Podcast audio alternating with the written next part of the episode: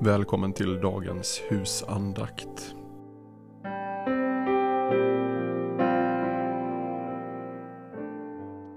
Den 16 januari.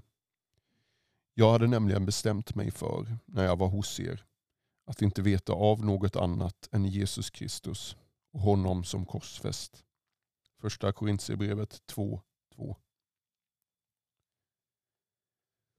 Du frågar, har den heliga skrift gett oss något utmärkande tecken som skiljer den sanna andligheten från alla falska vägar? Borde inte Gud ha gett oss ett sådant tecken? Han som kände alla kommande meningar och olika åsikter om kristendomen. Han kände också kristendomens huvudsak och hemlighet.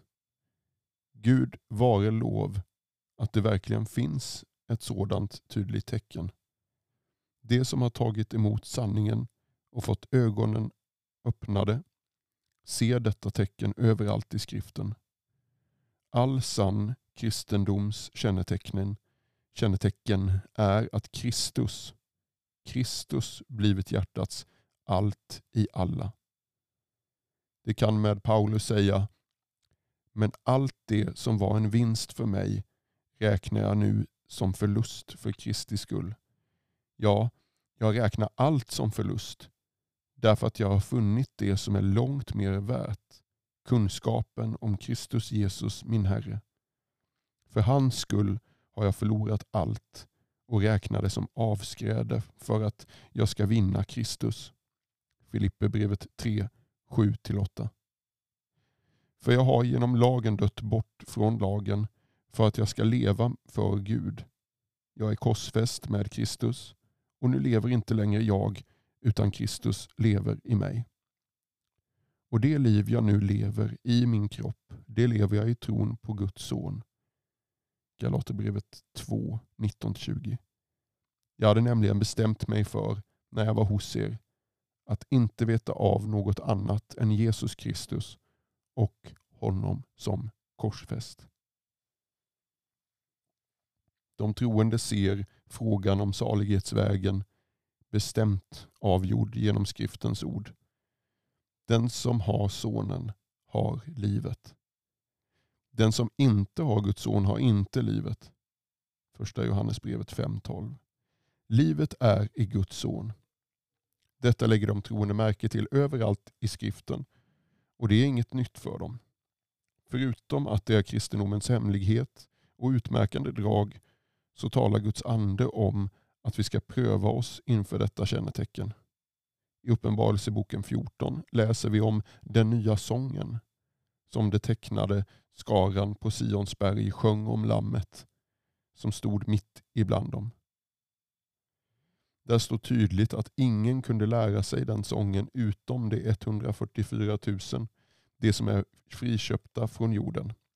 Uppenbarelseboken 14.3. Här har Herrens ande satt denna sång som ett kännetecken på Sions folk. Vad är sångens innehåll? Vad var det som ingen kunde lära sig utom det tecknade? Johannes svarar, du har blivit slaktad och med ditt blod har du åt Gud köpt människor av alla stammar och språk, folk och folkslag. De sjöng om Lammets förtjänst och vår frälsning genom dess blod. Ja, säger du, vem kan inte sjunga om det? Vem vet inte att det är det största som har hänt i himlen och på jorden? Men tänk på vad den heliga skrift menar. Då den säger att de saliga sjöng endast denna sång och att ingen kunde lära sig den sången utom det tecknade. Det räcker inte att ha kunskapen eller att bara med munnen bekänna den. Skriften lär inte falskhet. Om du inte vill bedra dig själv så lägg märke till skriftens mening. Vad innebär det att de saliga endast sjunger om Lammets förtjänst?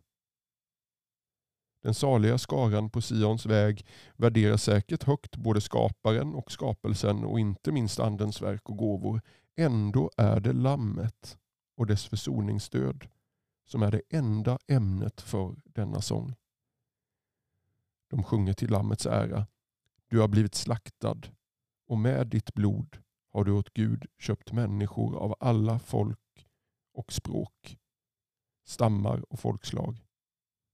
Det var det som Paulus menade när han skrev att han inte ville veta av något annat än Jesus Kristus och honom som korsfäst. Inget annat än Kristus är hjärtats tröst, glädje, skratt och lovsång. Lammets försoningsoffer är det enda föremålet för hjärtats tro, för dess hunger och törst, dess hopp och tillfredsställelse. Den sanna tron och gudsfruktan grundar aldrig salighetens hopp på något som finns hos oss. Inte ens på andens verk. Inte på vår tro. Mycket mindre på trons frukter såsom kärlek och gudsfruktan. Nej, här gäller endast Kristi kropps offer. Det säger Jesus. Min kropp är verklig mat och mitt blod är verklig dryck. Kännetecknet på sanna kristna är att de har sin enda tröst i lammet som är slaktat. Ingenting kan jämföras med detta eller tillfredsställa dem. Inte något de själva gör, inte heller deras upplevelser av andens verk, hur gott och härligt det än är. De nöjer sig bara med lammet som blev slaktat och med sitt blod köpte oss åt Gud. Var är du? Vad är du? Ack har du förstått att endast i sonen är livet. Och därför så arm och eländig du gått åt honom på nåd dig och givit och funnit förlossning i blodet. Din tid är ju Herrens, det blir och därvid. Du kan ej en dag den förlänga. Nu, nu får du komma, just nu är det tid. Men en gång han dörren ska stänga. Och då är för sent börja klappa.